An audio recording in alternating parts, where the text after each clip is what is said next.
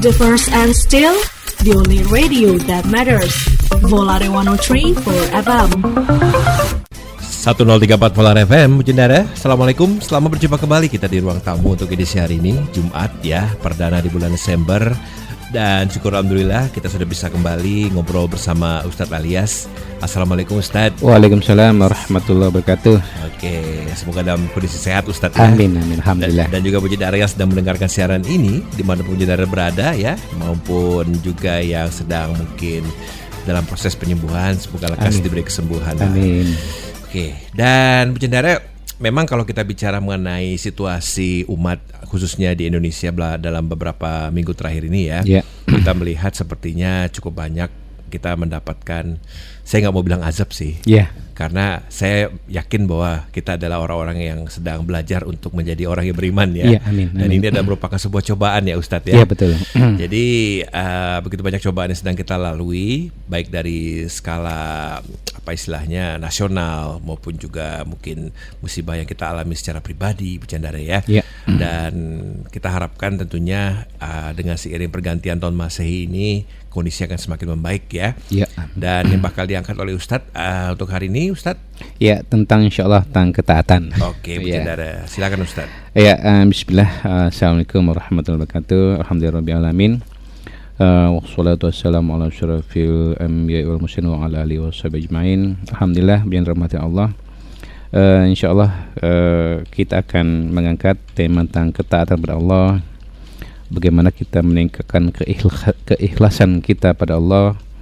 Uh, bagaimana kita meningkatkan ihsan kita pada Allah dan bagaimana kita meningkatkan ketakwaan kita pada Allah Subhanahu wa taala. Eh, mari kita lihat dalam firman Allah bahwa wa may yuti'illaha wa rasulahu wa yakhshallah wa yat- wa yattaqihi fa ulaika humul faizun. Dan barang siapa yang taat pada Allah dan Rasulnya serta takut kepada Allah dan bertakwa kepadanya mereka itulah orang-orang yang mendapat kemenangan orang mendapat orang-orang yang mendapatkan ke- keberuntungan.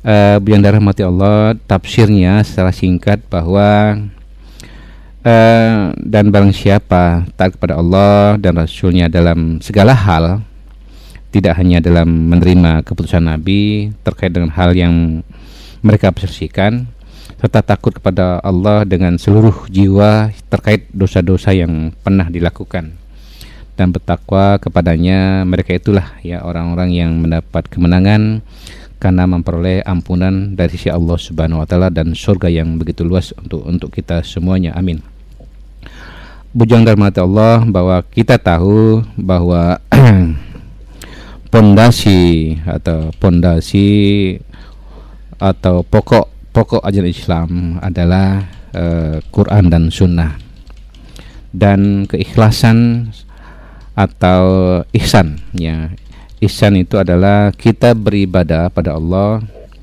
seolah-olah kita itu dilihat oleh Allah.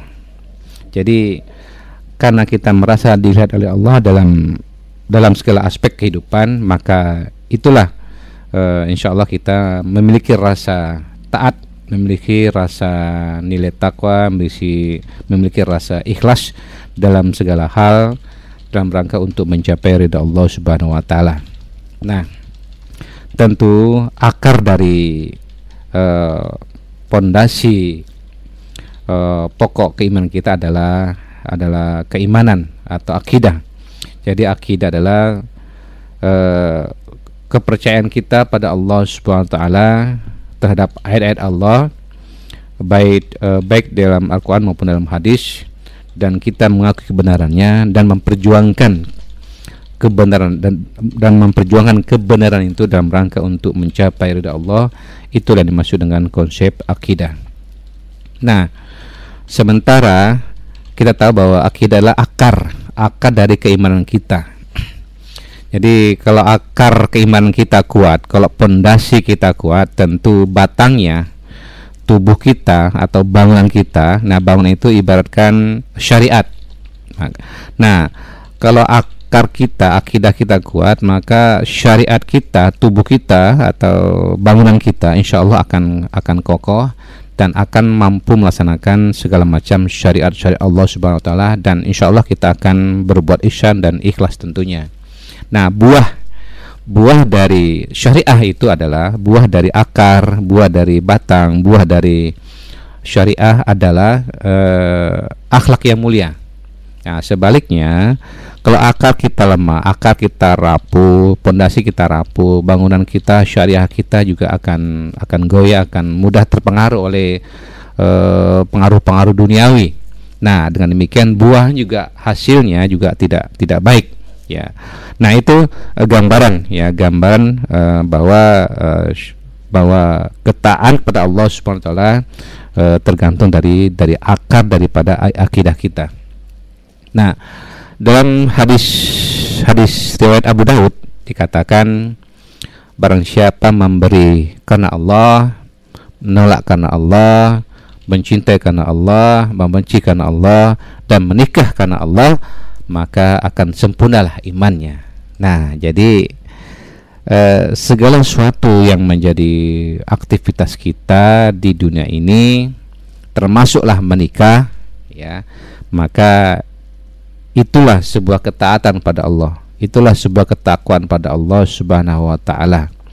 Jadi kita membenci membenci yang dilarang Allah kita tidak menyukai hal-hal yang Allah larang dan Rasulnya itu juga merupakan satu uh, apa satu bentuk ketaatan. Akidah yang mantap akidah yang lurus akidah yang di jalan yang Allah ridhoi dan insya Allah akan menghasilkan buah yang yang manis, buah yang sangat bagus dan buah yang sangat mulia yang disebut dengan akhlakul karimah yang sangat mulia. Nah, uh, bujang dalam hati Allah uh, memang ya kita manusia hidup dunia ini tidak pernah luput dari segala macam problem setiap manusia tentu pasti menghadapi problem uh, dengan volume dan uh, tingkat uh, kesukarannya berbeda-beda tentunya. Akan tapi uh, manusia yang hebat mereka tidak lari dari persoalan, dia tidak lari dari problem, tentu justru dia menghadapi problem. Karena kita tahu bahwa Allah Allah itu akan menguji keimanan kita, Allah akan ingin mengetahui uh, apa tingkat kualitas keimanan kita adalah sejauh mana kita e, menghadapi problem itu sebagai ujian dan cobaan sebagaimana yang Bang Jakarta ada yang Bang Jakarta disampaikan bahwa memang saat ini memang kita di Indonesia banyak menghadapi problem. Problem yang yang yang yang sangat nyata adalah adanya musibah seperti e, apa musibah seperti gempa di Cianjur dan beberapa uh, angin puting beliung. Ya, ya. ya ya ya. Seperti halnya di tempat kami uh, seminggu yang lalu atau dua minggu yang lalu itu ada namanya angin puting beliung. Oh, yang juga ya? yang menerpa di apa menerpa wilayah bandara dan beberapa tempat parkiran itu uh, terlepas gitu ya. Oh. dan uh, dan itu memang musibah dan itu merupakan cobaan bagi kita semuanya bagi orang beriman pada Allah Subhanahu wa taala. Nah, tentunya bagi mereka-mereka yang tidak taat pada Allah itu sebuah sebuah sanksi ya, sebuah peringatan dari Allah Subhanahu wa taala.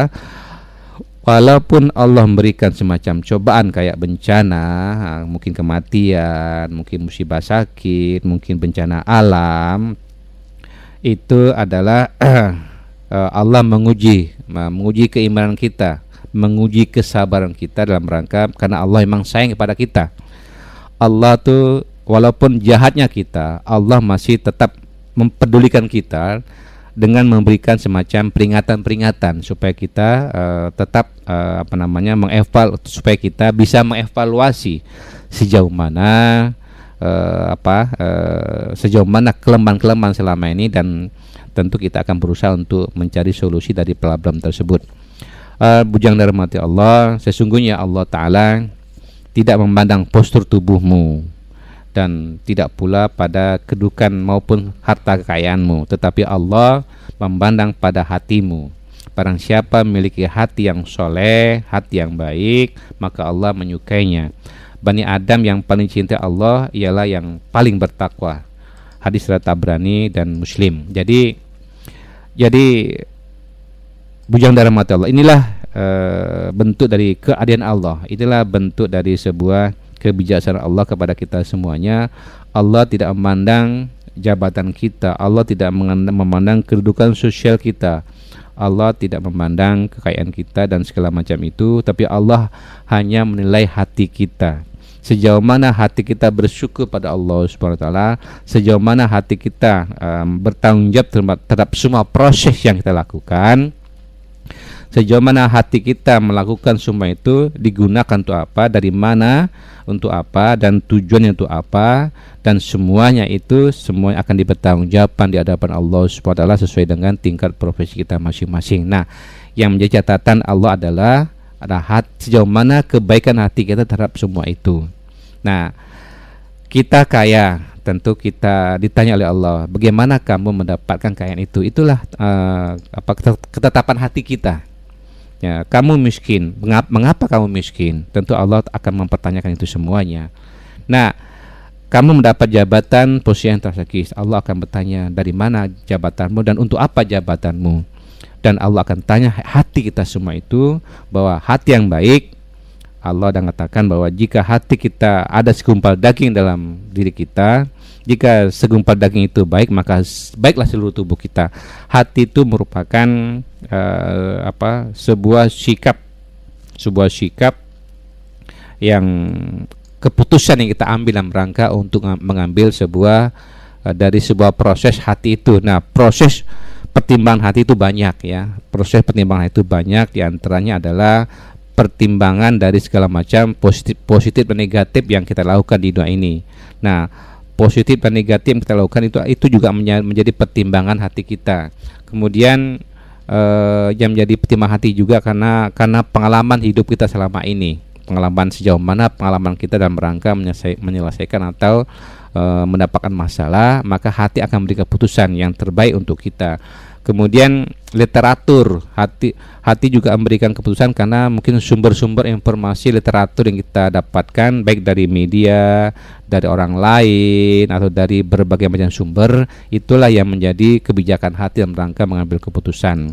Kemudian diolah oleh akal. Nah, akal itulah juga memberikan respon e, bagaimana pertimbangan-pertimbangan itu nah, dan tentu hati akan memberi keputusan. Dan tentu semua ya baik e, prasangka positif negatif maupun pengalaman hidup maupun sudut pandang kita, konsep pandang kita, sudut pandang kita yang berbeda-beda, literatur yang kita uh, input dalam rangka untuk memberikan pertimbangan hati, itulah yang menjadi uh, apa namanya apa nama yang menjadi uh, tanggung jawab kita dalam rangka mem mempertanggungjawabkan di hadapan Allah Subhanahu wa taala. Bujang dalam hati Allah bahwa disampaikan juga dalam hadis yang lain dalam hadis At-Tabrani barang siapa ya barang siapa memukakan Allah untuk meraih kehidupan manusia maka Allah murka kepadanya. Dan menjadikan orang semula meridhoinya menjadi murka kepadanya.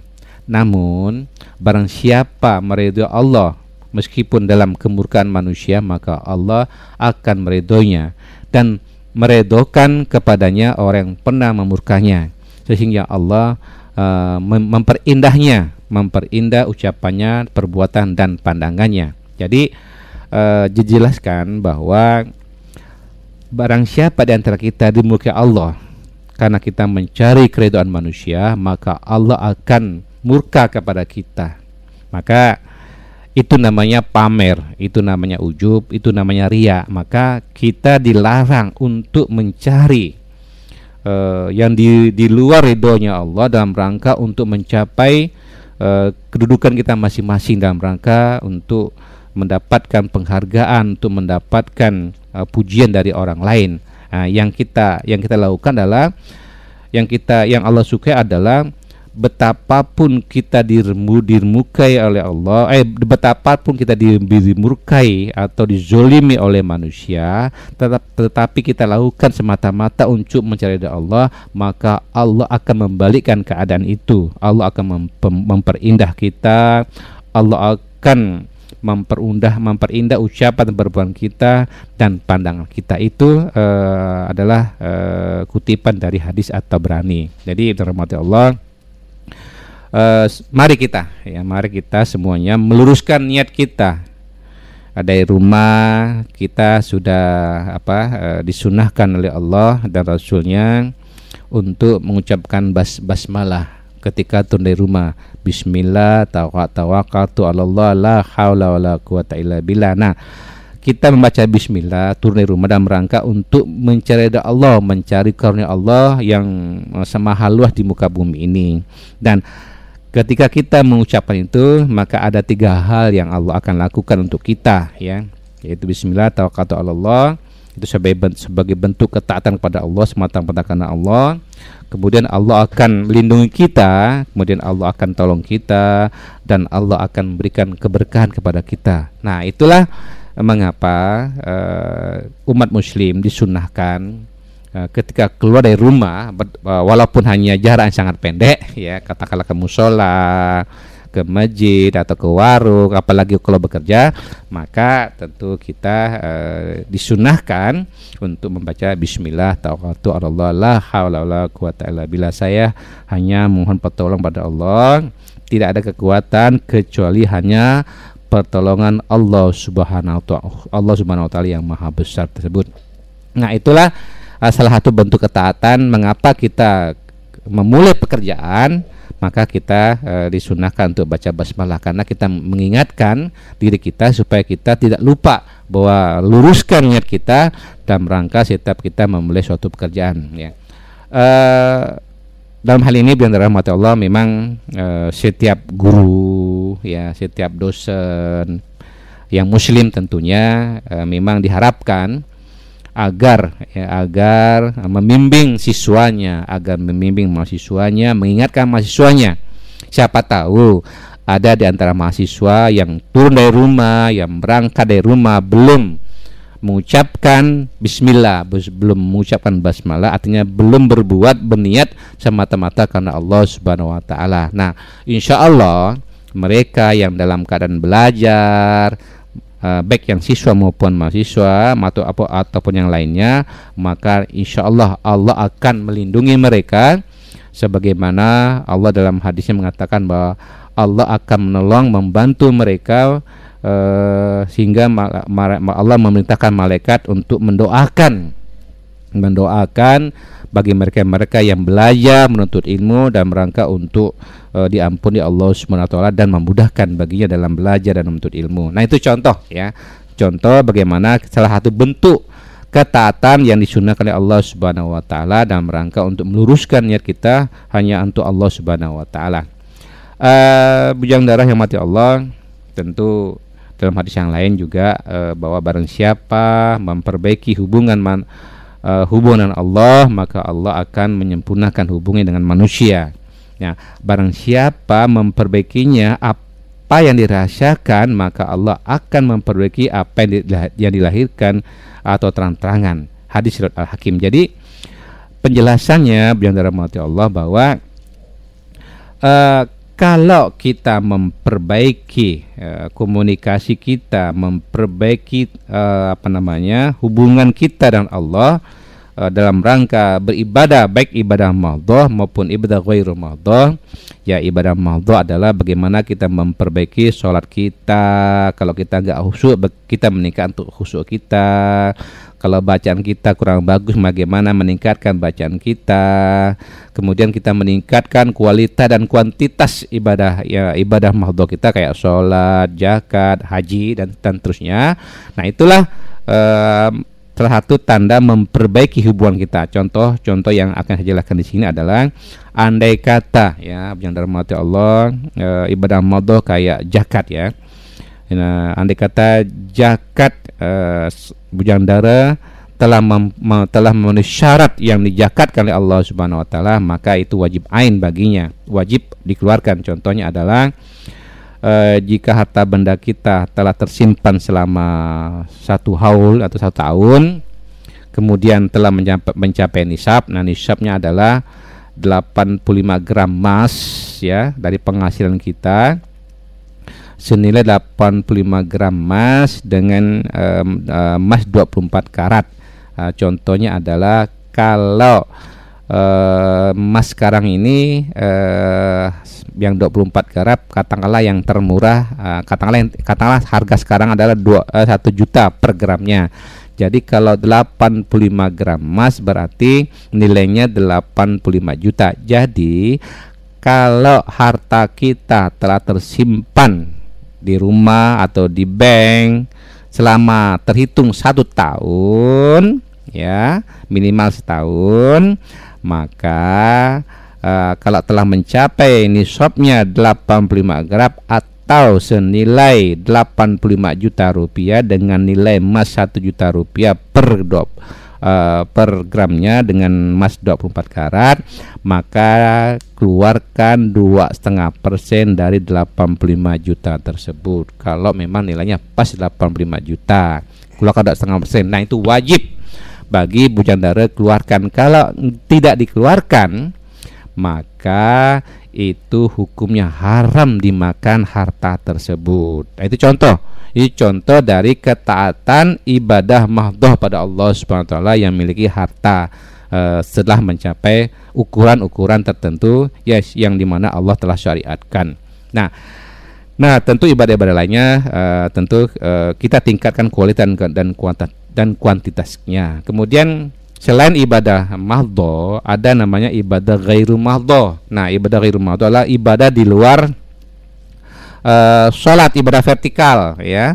Nah, kayak sholat jak rajin dan lain itu, kayak bekerja, belajar, profesi apa pun di luar ibadah mahdo itu namanya uh, pekerjaan umum, maka itu namanya ibadah umum atau ibadah gairu mahdo. Nah, Nah, ibadah maldo ini akan diterima oleh Allah Subhanahu wa taala dengan catatan uh, kita lakukan semata-mata karena Allah, maka saya katakan nanti maka kita uh, sebaiknya mengucapkan maca basmalah kita mulai pekerjaan itu, maka itu kita berbuat semata-mata karena Allah Subhanahu wa taala. Kemudian dalam bekerja ibadah maudodu kita prosesnya sesuai dengan aturan-aturan yang telah ditetapkan oleh uh, kesepakatan oleh mungkin perusahaan atau dina dan segala macam itu. Dan di, kemudian dalam bekerja harus ihsan. Nah ihsan itu adalah ikhlas. Ya jadi ibadah maldo maupun iru maldo sama-sama harus ihsan jadi kita bekerja tetap isan. Contohnya adalah ketika kita bekerja walaupun tidak ada pengawas, maka kita tetap ya tetap bekerja secara profesional dan bertanggung jawab. Itu namanya isan. Atau hmm, ya, ya, betul. nah itu. Kemudian bari bagi para pedagang, ya, maaf seperti pedagang kopi, pedagang teh, contoh ihsan adalah uh, contohnya adalah contohnya kalau uh, konsumen minta susu murni ya susu murni susu kaleng murni maka isannya adalah jangan dicampur dengan gula jadi kalau pedagang mencampur dengan gula sedang permintaannya mintanya susu murni maka pedagang tersebut tidak berbuat isan pada Allah Subhanahu wa taala. Nah, tadi isan adalah kita berbuat diridho Allah Subhanahu wa taala kita beribadah, kita bekerja semata-mata karena Allah dan merasa diawasi. Ah, di sana ada proses kejujuran, ya keadilan dan segala macam. Jadi uh, dalam berbuat ibadah ibadah uh, ibadah uh, adalah syaratnya adalah harus adil, tidak ada kezuliman di sana kemudian uh, harus isan ada kejujuran di dalam dalam melaksanakan uh, uh, pekerjaan tersebut. Nah itu. Maka dalam proses ini insya Allah itulah salah satu bentuk ketaatan kita pada Allah Subhanahu Wa Taala. Kemudian bujang dirahmati Allah dalam hadis yang lain juga dikatakan seorang sahabat berkata kepada Rasulullah ya ya Rasulullah sekarang melakukan amal kebaikan dengan dirahasiakan. Dan bila diketahui orang dia juga menyukainya. Nah, mereka senang. Rasulullah SAW berkata baginya dua, dua, dua pahala yaitu pahala merahasiakannya dan pahala terang-terangan. Hadis termiji jadi dalam kita eh, katakanlah kayak kita apa bersedekah kayak kita berzakat berinfak maka boleh kita melakukan merahasiakannya. Ya, maka kita akan mendapatkan namanya dua kebaikan. Ya, karena tidak diketahui orang lain. Tetapi jika kita melakukannya walaupun terang-terangan, tetapi tidak ada niat untuk dipamerkan, tidak ada niat untuk eh, apa namanya ujub dan segala macam, maka itu Allah juga akan apa memberikan dua pahala baginya walaupun dengan terang-terangan. Nah, dengan syarat kedua-duanya baik rahasiakan maupun terang-terangan dengan catatan niat semata-mata karena Allah, niatnya dalam rangka untuk mencari dari Allah SWT tidak karena untuk uh, di apa ditampilkan, niatnya untuk dipamerkan atau pemak minta dipamerkan dan segala macam. Terkecuali bagi orang uh, bagi orang lain yang menginformasikannya sebagai bentuk uh, tertib administrasi ya. Uh, itu mungkin uh, insya Allah dibolehkan. Yang penting kita tidak minta tidak minta untuk dipublikasikan. Uh, bujang mati Allah. Nah uh, dalam hadis Adelami uh, juga uh, dikatakan bahwa kebahagiaan yang paling bahagia ialah panjang umur dalam ketaatan pada Allah Subhanahu wa taala. Nah, bujang dari mati Allah. Kita tahu, kita menyadari bahwa uh, kematian itu datangnya tiba-tiba. Ya, sakit juga datangnya tiba-tiba. Maka uh, kita diminta oleh Allah adalah sebaik-baik di antara kita adalah panjang umur tapi kita tetap taat pada Allah Subhanahu wa taala. Nah, kita memang hidup kurang lebih 60 sampai 70 tahun. Kalaupun lebih itu uh, kata orang itu namanya uh, apa nih ya? Uh, dispensasi apa ya? Uh, peng, penghargaan atau apa yeah, ya? Yeah. Uh, uh, apa namanya lah istilahnya itu uh, lebih dari 63 tahun kayak nabi itu namanya uh, bonus ya bonus ya bonus. Hmm. Nah, jadi sepanjang se, maaf se, semakin panjang umur kita maka Allah sangat menyukai ketaatan ketaatan kita konsisten.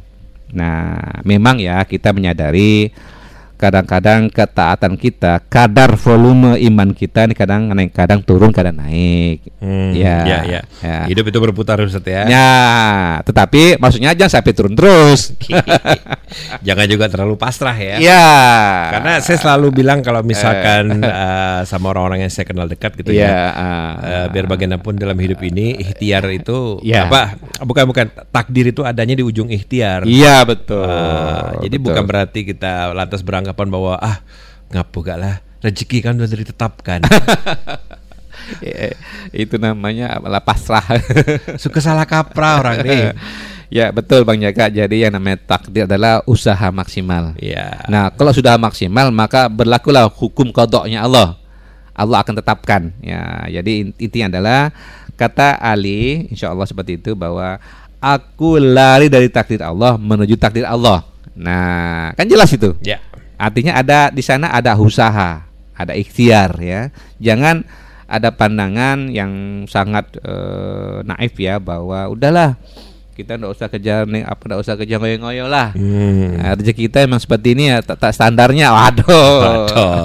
kacau nih susah dong susah ya mari kita berprinsip hidup uh, bahwa ada hadis ya walaupun tingkat kesohihannya diper, dipermasalahkan bahwa hiduplah e, bekerjalah seolah-olah kamu akan hidup selama-lamanya. Hmm. Nah, kan beribadahlah seolah-olah kamu mati besok. Artinya bisa dipahami bahwa e, bahwa kita bekerja harus maksimal.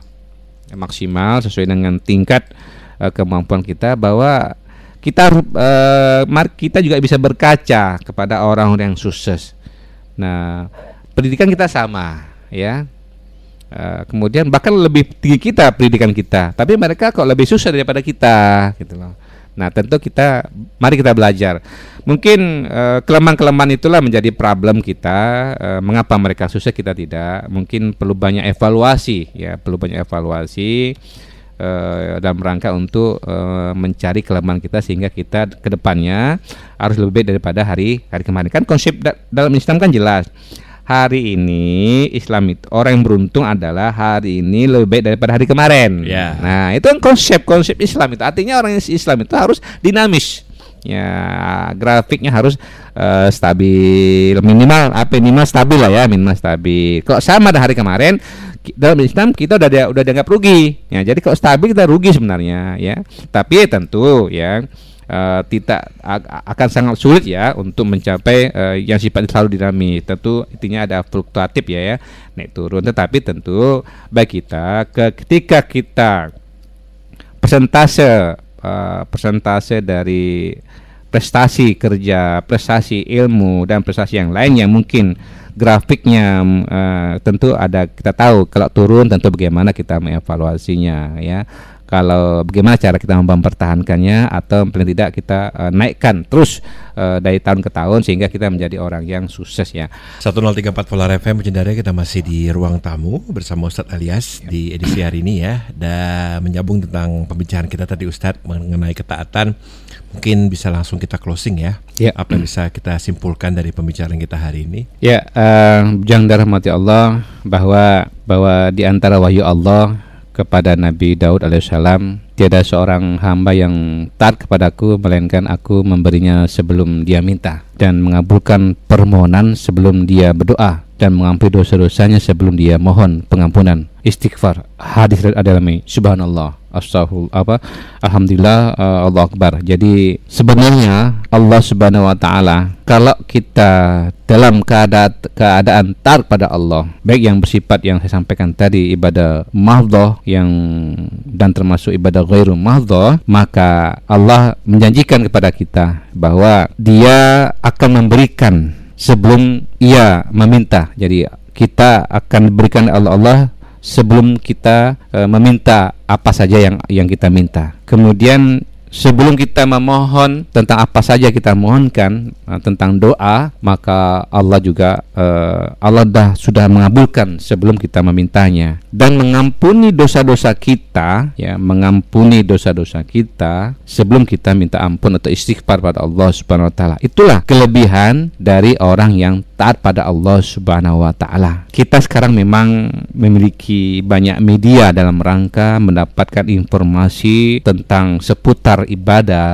ya seputar pekerjaan. Tetapi media juga uh, bisa mempengaruhi kita dalam rangka untuk lalai tidak taat pada Allah Subhanahu wa taala. Ada gambaran yang nyata real di di apa di tingkat eh, orang-orang uh, dewasa ketika azan sedang dikumandangkan. Ya, kita perhatikan orang-orang dewasa, ya muda-mudi, eh, mungkin katakanlah bujang dara, masih sibuk dengan HP-nya masing-masing. Nah, hendaklah, hendaknya ketika sudah azan dikumandangkan, eh, yang lima waktu itu maka berhentilah sejenak laksanakanlah tunaikanlah ketaatan kita pada Allah Subhanahu wa taala karena Enggak lama ya Bang Jaka ya. ya. Kurang lebih mungkin paling lama mungkin 15 menit lah Bang Jaka ya. Mungkin kita mandi, wudhu, sholat. Nah, setelah itu ya lanjutkan lagi. Ya. Lanjutkan lagi mungkin settingan-settingan kita di uh, di medsos tersebut dalam rangka untuk mungkin menggapai tujuan kita kan kita mencari punya cuan. mencari cuan. Bahasa-bahasa anak muda cuan ya.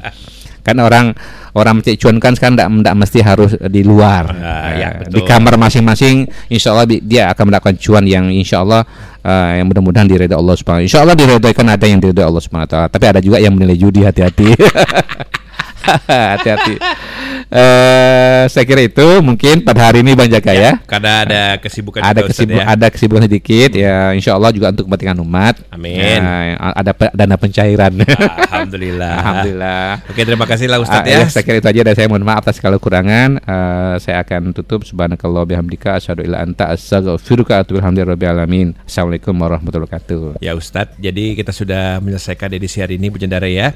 Selamat kembali beraktivitas dan insya Allah kita bakal ketemu lagi edisi minggu depan Jendara ya masih di ruang tamu 1034 Volar FM. Selamat beraktivitas, siap your taste dan tetap jaga protokol kesehatan Bu. Assalamualaikum. Jaga undur diri. Sampaikan masukan untuk program ini ke volare@volarefm.com dengan subjek kritik saran.